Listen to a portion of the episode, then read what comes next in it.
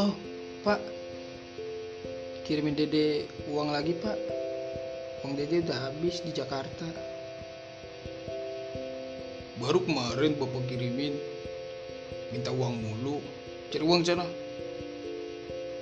Dede buat bayar kuliah pak. Ah cari uang sana. Tapi pak ah tuh oke assalamualaikum warahmatullahi wabarakatuh. Balik lagi di ruang abon ruang kebebasan berekspresi berbudaya. Itu percakapan singkat via telepon ya tadi ya. Biasanya anak rantau gitu ketika uangnya udah habis. Ketika kebutuhan hasrat untuk shoppingnya besar banget. Jadi banyak akal-akalan atau ide diam untuk menipu orang tua bagaimana caranya orang tua ngirimin uang ke dia. Tapi menurut gue nggak semuanya sih. Makanya itu kali ini gue mau bahas tentang kisah anak rantau dengan narasumber yang memang bener-bener anak rantau dan udah lama di Jakarta. Gimana sih kalau kisahnya jadi anak rantau? Langsung aja kita tanyain ke siapa? Mas nama? Oke. Gua Kevin. Kevin. Yoi mas Kevin. Yang ngerantau dari daerah Sulawesi. Ya mas gue langsung aja dah. Gue kagak ngerti anak rantau. Gue lahir di Mari gede di Mari ya udah aja enjoy anak rantau lu udah berapa lama mas di Mari? Di Gua Jakarta? udah masuk 6 tahun. udah lama ya? Udah lama. itu tahun dari tahun berapa tuh? Ke sini Jakarta? Gua dari tahun 2014 gua udah di Jakarta. Gua minta izin kepada kedua orang tua bahwasanya gue pengen kuliah di Jakarta. Oh jadi tujuan ke Jakarta dengan merantau adalah kuliah? Kuliah bagus. Emang kenapa nggak kuliah di sana aja mas? Karena gue pikir Jakarta itu rintangannya bagus rintangannya banyak. Oh tantangan lah buat lu gitu. Nah, apalagi kita laki kan laki. Se- sekeras apa sih Jakarta? Iya. Jakarta tuh keras loh. Ibu kota tuh lebih keras daripada ibu tiri loh mas. Nah itu itu tuh gua kasih tahu lu yang ini. selalu gua dengar di kalangan daerah. Heeh. setelah gua dari sebelum gua ke Jakarta gua dengar-dengar dari media sosial maupun di masyarakat setempat itu yang selalu gua dengar Jakarta itu keras ibu kota itu keras. Oh jadi itu motivasi lu? Ah iya. Nah penasaran gua kegelisahan gua ingin gua jawab. Hmm. sekeras apa sih itu Jakarta? Makanya gua kemari gue niatin gue minta izin kepada kedua orang tua gua. Dan gue ngasih tahu bahwasanya gue pengen kuliah di Jakarta dan gue pengen coba menaklukkan Jakarta sekeras apa sih? Oh, artinya orang tua mendukung? Mendukung. Gue minta dan mengizinkan? Minta doa restu. Bahwasanya gue pengen kuliah dan gue pengen balik-balik itu udah sukses amin. Itu di Jakarta sendiri sebelumnya nih awal banget 2014 itu udah ada orang di Jakarta saudara gitu atau apa benar-benar sendiri aja? Sendiri. Nggak ada yang gue tahu di Jakarta Bung. oh benar-benar berusaha sendiri berjuang berusaha sendiri? wah. Ke Jakarta nyari kos kosan setelah gue nyari kos kosan gue menuju kampus yang ingin gue uh, masukin di situ. Gue sosialisasi sama pihak kampus bahwasanya gue pengen kuliah di di kampus ini apakah ada uh, asrama atau bia beasiswa di sini saya ingin mengurus segala itu tapi entah kenapa gue dijelasin dikasih tahu di kampus ini hanyalah orang yang nilainya tinggi bisa Oh, iya. mendapatkan beasiswa beasiswa dan. Perekonomian menengah ke bawah itu agak susah bar- ya? baru dapat oh iya iya iya. beasiswa untuk orang tidak mampu. Nah itu. Oh, gitu ya. oh jadi itu benar-benar lu urus sendiri? Urus sendiri. Pertamanya gue ngekos dulu. Ngekos keduanya gue setelah gue tahu bahwasanya di kampus ini ada asrama. Setelah gue kasih gue tahu gue nanya lagi ke pihak kampusnya eh, pembayaran asrama berapa sebulan setelah gue nanya lagi gue pengen tinggal di asrama tapi katanya lagi penuh Hmm. mungkin tahun depan masih baru oh ada iya akhirnya lu ngekos dulu untuk Ah. sementara waktu Ah. iya iya iya tapi yang gua gua perlu salut lah sama lu lah lu urus sendiri datang bener-bener sendiri ke tempat orang yang nggak lu kenal ya kan. tempat yang bener-bener baru lu temui gitu baru lu lihat Iya. dan itu lu wow menurut gua hebat lah. Kalau misalnya itu ada di posisi gue, gue, gua harus berjuang keras banget. Gue mau tanya siapa ya kan, gue bingung. Tapi itu lu lakuin. gue lakuin sendiri. Tanpa bantuan orang lain gue gue lakuin sendiri. Kenapa gue lakuin sendiri? Karena gue niat. Anak rantau itu ya harus berjuang sendiri tanpa bantuan orang lain. Oh makanya ada istilah kalau anak rantau tuh ya emang apa lebih giat gitu lebih Iya. gigi. karena emang ya udah konsekuensinya itu konsekuensinya ya harus siap sakit itu kalau sakit siapa yang ngurusin ya Kalau Iya. makan obat obat yang biasa pengen berobat ke rumah sakit mahal oh, iya. jadi mau nggak mau ya obat-obat yang dijual di warung pengen nelpon ke pada orang tua ya mikir nelpon boleh aja sih. Tapi kita pertimbangkan lagi ketika gua ngasih tahu ke dua orang tua gua pak gua lagi sakit. Nah di situlah dia akan terganggu pekerjaannya. Pasti dia mikirin anak gua gimana? Di sana siapa yang mau ngurusin? Jadi anak rantau jangan disepelein anak rantau itu penuh dengan mandiri Iya, petarung. iya, petarung dia dengan hujan kehujanan panas kepanasan. Ya itulah anak rantau apalagi di ibu kota ya keras ya. apalagi di ibu kota. Itu pas tahun pertama lu ngerantau ke Jakarta gimana tuh yang lu rasain? Tahun pertama-tama itu gue ngerasain ya oke lah. Namanya anak rantau kan namanya baru nah pasti mau nggak mau sebelum berangkat kemari kan udah banyak keluarga apa segala macam. Tetangga pasti ngasih duit. Nih duit ada segini nih. Oh iya bu makasih bu. Saya doain lu lu sukses balik-balik. Nah di situ gue tonganin oke akhirnya gue minta doa restu kalau memang ini ibu niatannya baik gue minta doa sama ibu sama orang tua gue tolong doakin yang terbaik gimana caranya saya datang-datang dan pulang. Sukses ya. jadi sukses. Iya, lebih ke ini maksud gua eh, setelah tadi tuh nyambung cerita lu kan lu akhirnya ngekos dulu untuk sementara waktu sembari menunggu asrama. Nah, lu kan bener-bener ngekos pun baru mungkin ya, baru banget karena di sana kan nggak mungkin ngekos, iya. Tinggal bersama orang tua. Jadi anak kosan dong, jadi anak kosan. Itu ngerti. pertamanya gue nggak ngerti. Pertamanya gue hampir tiap minggu gue nangis. Oh kenapa tuh? karena berat. Gue rasa itu berat. Berat banget karena hal yang tidak pernah gue kerjain hanya gue kerjain sendiri di sini. Nyuci makan segalanya gue sendiri. Namanya hidup mandiri ya gue mau berharap sama siapa? Gue pengen makan masih lapar ya. Ya secukupnya gue makan. Gak bisa gue nambah. Ketika gue boros uang jajan gue teratur sebulan 500 sebulan. Ketika gue boros ya nggak cukup sebulan.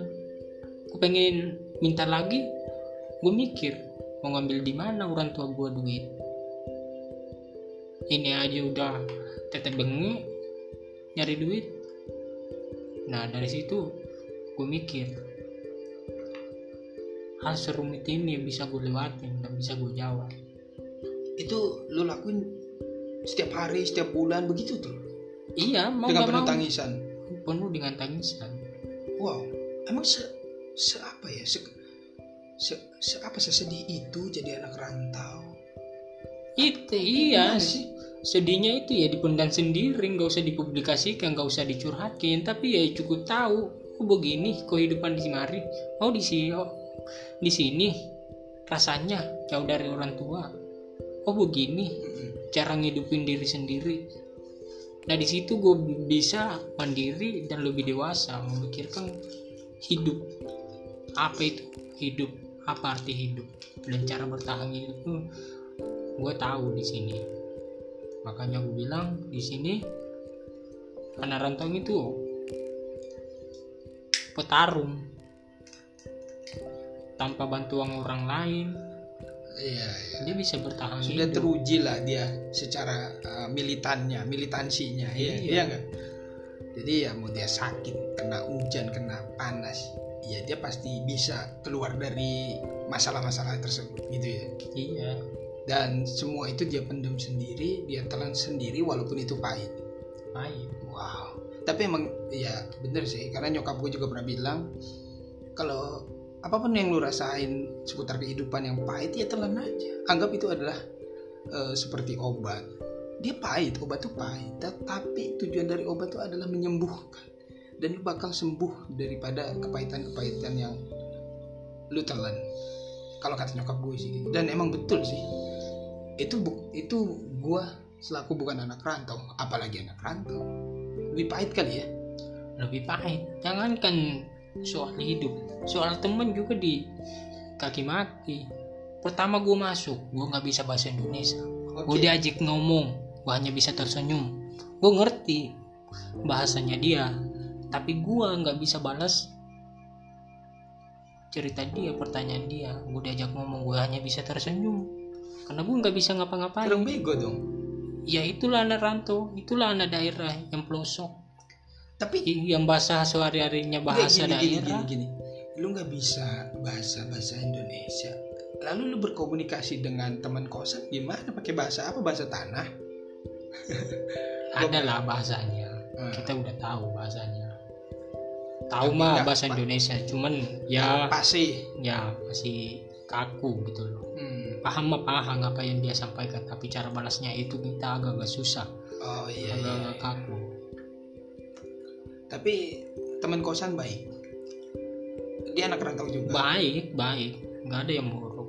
Enggak karena Karena- di ibu kota di Jakarta tuh anak remajanya ya kalau kita orang tuh baiknya ya biasanya ngeceng-cengan.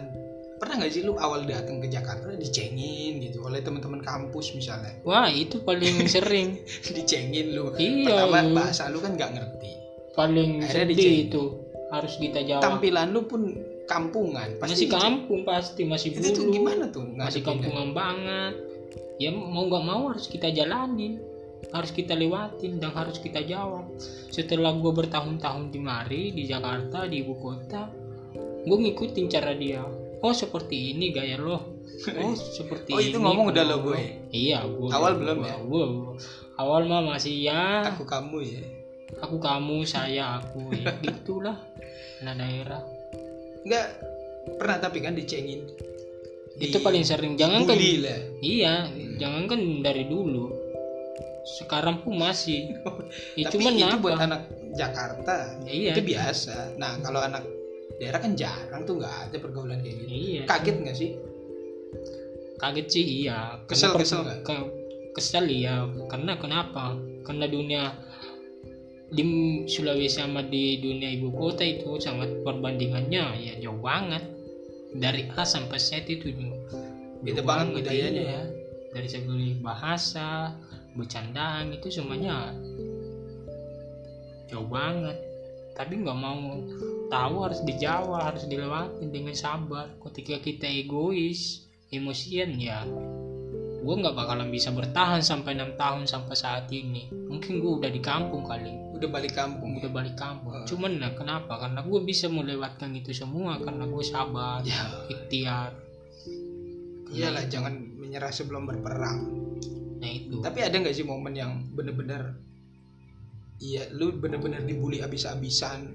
Momen yang paling lu inget gitu bener-bener dibully dicaci maki. Mentang-mentang gua anak daerah kok lu gini banget gitu? Sampai lu mikirnya kayak gitu tuh. Kalau boleh sih enggak. Nggak Cuma maksud- kesal, nggak. cuma kesal itu iya. iya ada nggak momennya tuh? Lu waktu itu diapain? Waktu itu seingat gue ya dicandain. Ya lu mah bocah kampung gak tahu apa-apa, gak usah so tahu. Nah dari situ gue masih berpikir lagi, oke, lu dianggap sebelah mata gitu itu iya. Hmm. Makanya gue bilang, oke, sekarang gue bocah kampung, besok bakal buktiin kalau pada di antara kita semuanya, gue akan paling sukses. Dan gue pengen balas. Ini loh gue. Oh, artinya itu malah lu jadi motivasi buat diri iya itu di situ oke lah sekarang lu bilang gua bocah kampung tapi besok suatu saat nanti ada waktunya. Tunggu bawa tanggal mainnya. Berarti secara mental anak rantau teruji ya? Terus buset. udah nggak bisa diraguin lagi? Nggak bisa diraguin. Semua yang nggak pernah gue rasain nggak pernah gue temuin ya di ibu kota ini. Lu rasain? Gue rasain. Dan lu hadapi? Dua gue hadapi sendiri. Dan gue pendam sendiri. Dan pada akhirnya gue akan selalu ingat. Gue akan buktiin secara nyata di depan lu. Nah, itu gue penasaran juga. Kalau gue ada di posisi lu mungkin gue juga mungkin sedih nangis juga akan gue lakuin. Tapi kan kita harus bangkit. Nah yang jadi pertanyaan gue tuh gimana sih keluar dari masalah-masalah tersebut? Itu kan bebannya berat banget. Gimana tuh kita keluarnya tuh? Kok nggak kuat-kuat bisa bunuh diri loh kalau gue sih lebih nggak memikirkan terlalu tertekan hal oh, apa yang ngambil perasaan Ah. ngambil hati. Toh kalau memang gue dihina gue bocah daerah nggak tahu apa apa ya oke lah.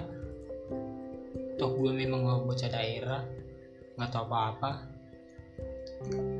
dan gue keseringan kebanyakan sosialisasi nongkrong sana sini biar gue lupa ketika gue dicaci mati di sini gue ke tongkrongan yang satu.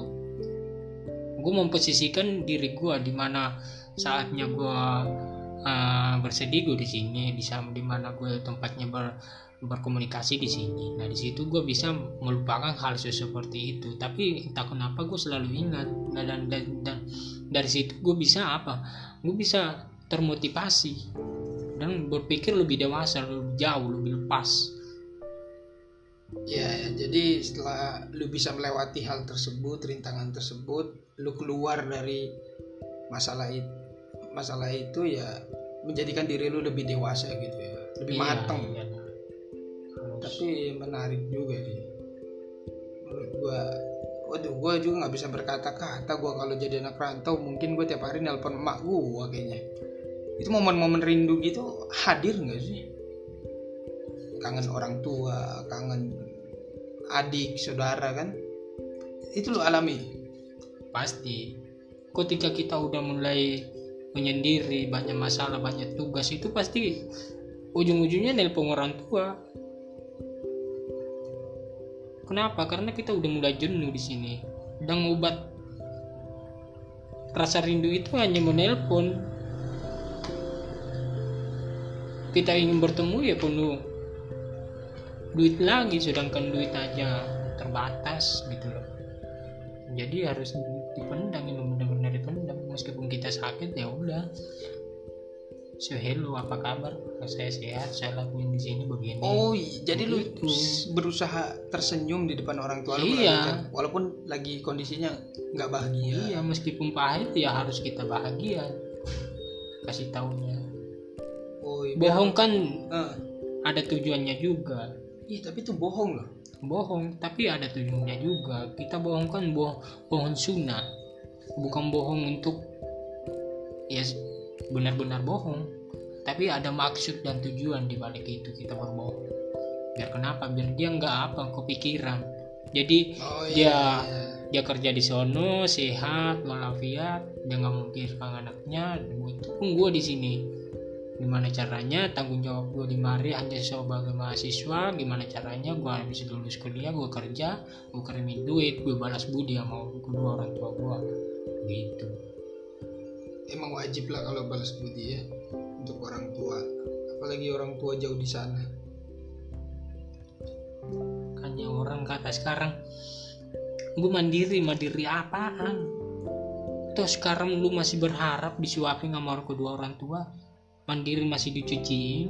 Mandiri apaan? Iya, jadi lu main jauh dong. Iya, keluar kota. Keluar daerah. keluar daerah Keluar baru pulau. lu bisa dikatakan lu mandiri. Iya. kalau lu masih di sini ya masih Oh, lu- satu iya. daerah. Ya besok juga bisa ketemu. Coba keluar kota. Nggak ada duit pengen ketemu. Apa yang lu bisa? Ya ujungnya teleponan Iya ya, gue juga agak netting sih buat orang-orang yang dia bukan anak rantau tapi sok-sokan mandiri Padahal padahal mandiri apa? Mandiri apa ikut Eh. tanya? Mandiri apa? Nah, mandiri ya gua udah biasa bisa biayain hidup gue sendiri. Tapi otomatis bukan mandiri tuh dong itu kreatif lu. Padahal pakaian masih cuciin gitu. Masih dicuci masih berharap sama orang tua semua orang masih berharap selama lu masih percaya dengan kebodohan lu ya lu nggak bakal mandiri. Mungkin yang dia maksud adalah mandiri secara keuangan kali. Iya tapi jadi nggak keseluruhan kayak anak rantau. Yang disebut mandiri itu ya segalanya. Harusnya seperti iya itu. segalanya. Nyuci nyuci sendiri.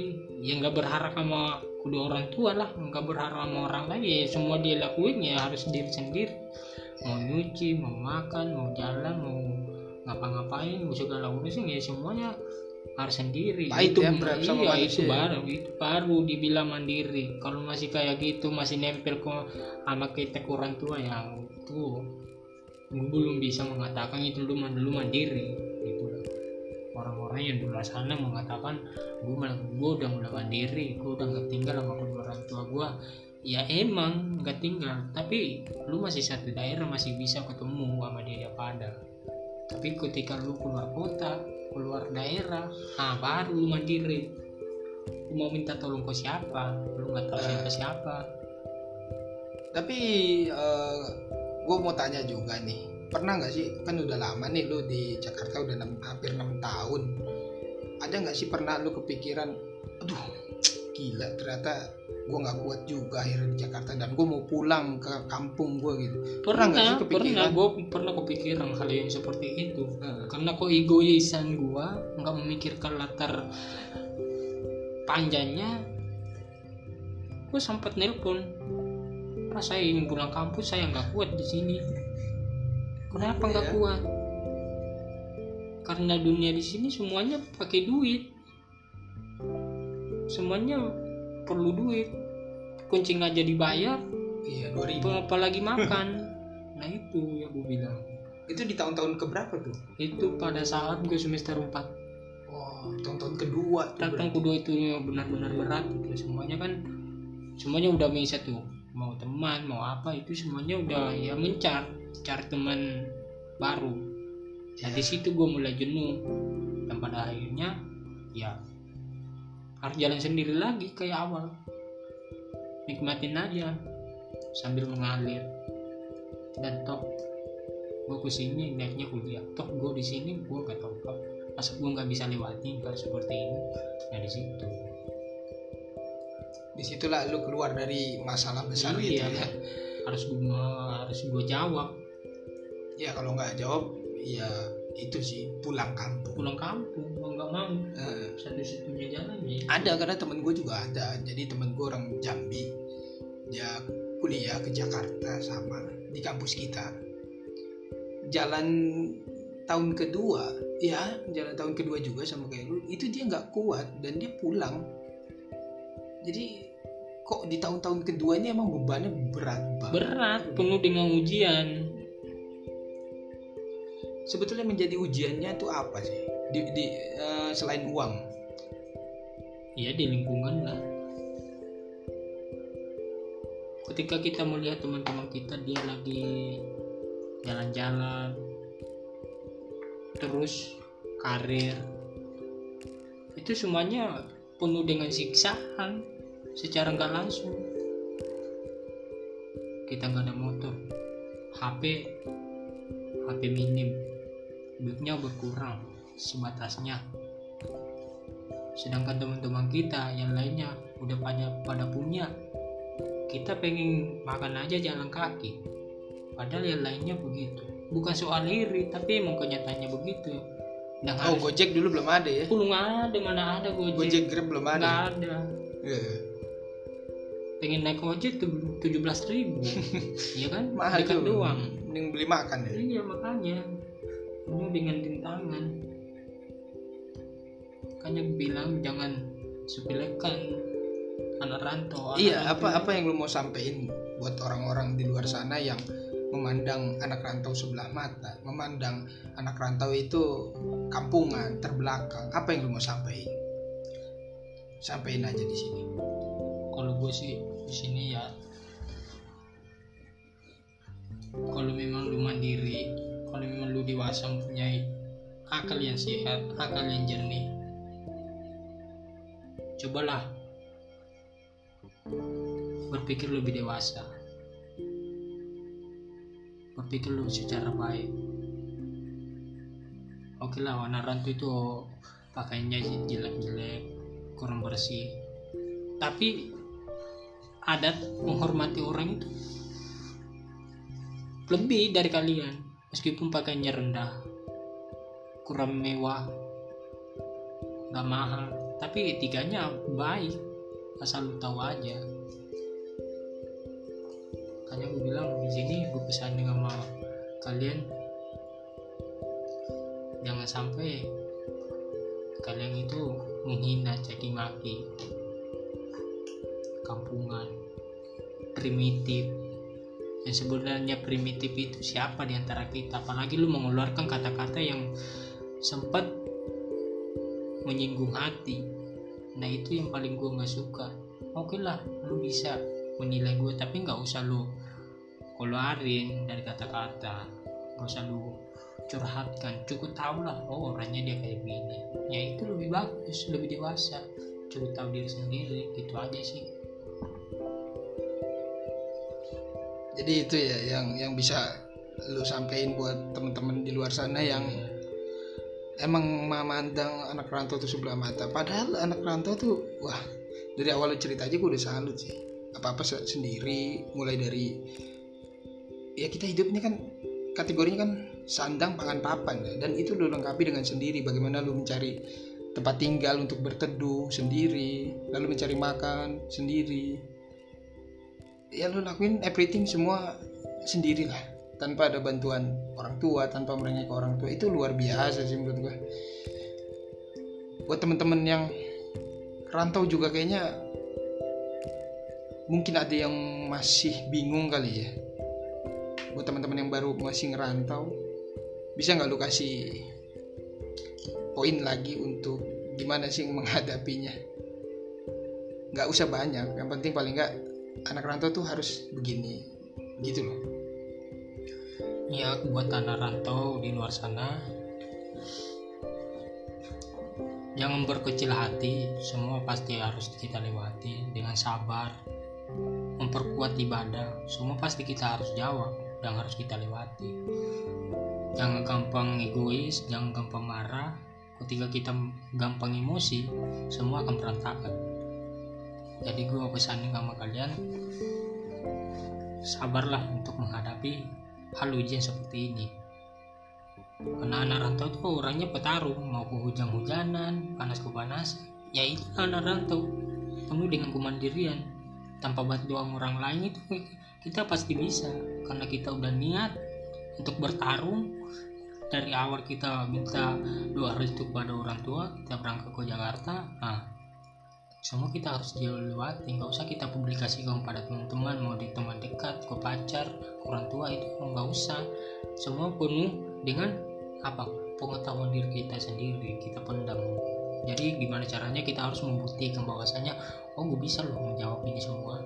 Jadi kita harus membuktikan suatu saat nanti kepada semua orang gue bisa tanpa lo gue bisa sendiri. Gak usah bantu gue itu aja sih ya artinya kita sebagai anak rantau harus buktiin bahwa saja lu bisa dan untuk mereka yang memandang lu sebelah mata lu telan aja secara pahit tapi lu akan buktiin di kemudian hari.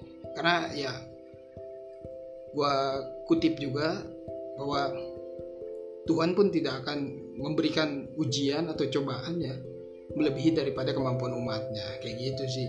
Buat anak rantau semua tetap tersenyum, tetap kuat jalanin masa-masa kuliahnya. Bahkan lu harus sukses dibandingkan orang yang tidak merantau.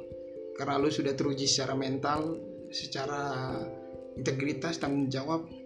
Gue salut sama anak rantau semua dan gue salut sama lu Kevin. Terima kasih mungkin ini aja dulu dari Ruang Abon. Ya, selamat malam. thank you